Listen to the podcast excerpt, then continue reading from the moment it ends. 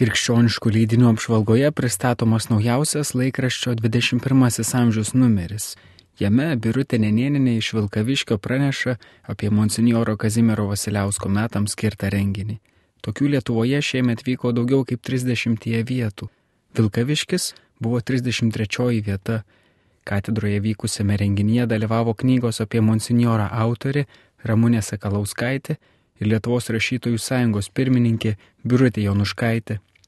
Priedė 21-ojo amžiaus horizontai Mindaugas Buika apžvelgė popiežiaus Pranciškaus pasisakymą 36-ame maldos už taiką Šventojo Egidijaus bendruomenės Romoje surinktame tarp religinėme susitikime. Šiandien taika sunkiai sužeista, puolama ir trypiama. Ir tai vyksta Europoje. Žemynė, kuris praėjusį šimtmetį išgyveno dviejų pasaulinių karų baisybės, o dabar mes patiriame ir trečiąjį. Sielvartingai kalbėjo popiežius Pranciškus, dėja karai ir toliau pralėja kraują, skurdina žemę, grasindami visiškų gyvybės sunaikinimu. 21 amžiaus priede Provita Lietuvos tėvų forumo narė Jolanta Lipkevičianė rašo apie tai, kokia problema net mažesnių klasių vaikams tapo interneto pornografija. Pastebėta, kad tie tėvai, kurie daug dirba ir būna kitaip užsiemę, jų vaikų dėmesį pasima technologijos, kuriuose yra daug daugiau pavojų negu gatvėje. Technologijomis reiktų leisti naudotis tik tėvams matant. Sesuo Viktorija Vaidokaitė dalyjasi savo išvalgomis apie tai, kad organų donorystė yra proga tęstis gerumui iš savo gyvenimo ir laiko ribų. Laisvas sutikimas paukoti savo organus yra geras darbas ir yra konkrečios meilės įrodymas artimam žmogui. Šio požiūriu daryti sąsąją su Kristumi, kuris mirė, kad būtų išgelbėti kiti. Jeigu patys galime po mirties išgelbėti kito gyvybę, tai yra tikrų tikriausia meilės artimui išraiška, sako sesuo Viktorija. Pati sesuo Viktorija dėl organų donorystės buvo apsisprendusi jau seniai, jie norėtų, kad susikloščius donorystiai palankioms mirties aplinkybėms, jos organai būtų padovanoti kitiems ir pratestų sunkiai sergančiųjų gyvenimą. Kitame laikraščio priede Sidabrinė gyja Birutė Nenėnė rašo apie Vilkaviškio rajone Pajavonyje gyvenančią moterį 94 metų Ona Kumetienę. Ji net 27 metus išgėdojo bažnyčios chore, gražiai prisimena buvusius klebonus Leoną Kalinauską, Vincentą Jelinską. Jaučiuosi labai puikiai, labai gerai, esu rami, man visi geri, ne vienu žmogumi negaliu skūstis. Labai silpnai vaikščiuju, bet kiek galiu, su lasdelėmis išeinu. Be to labai daug melžiuosi ir tas laikas taip greit prabėga. Melžiuosi už visus.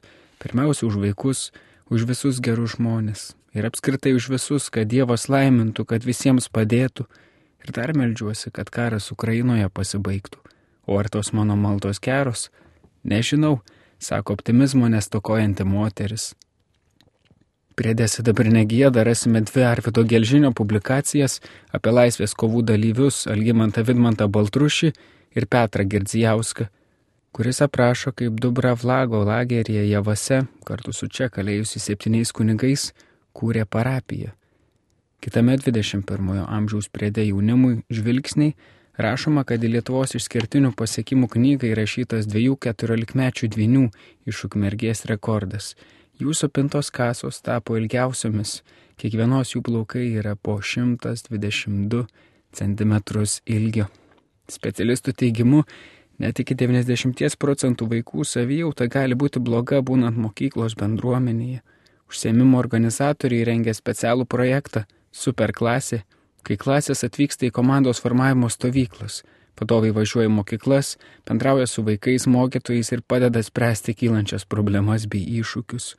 Šių stovyklų vadovė Evelina Viktorija Žemykytė pasakoja, kad pats baisiausias dalykas, kurį pastebi nuvykus į mokyklas, yra tai, kad vaikai nebeatskiria ir nebesuvokia, kada kandžios pastabos ir komentarai peržengia pajokavimo ribą ir tampa patyčiomis.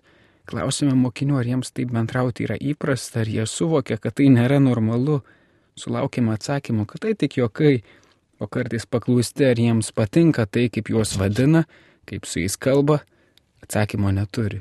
Sako, kad tiesiog taip yra pripratę.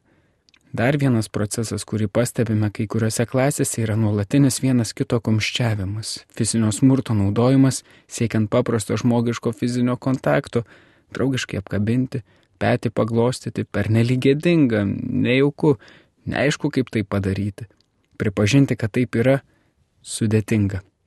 Įvardinus tai garsiai, paprastai, galima sulaukti tik tylios šypsenos. Rašoma priede žvilgsniai. Laikraščio 21 amžius apžvalga parengė laikraščio redakcija.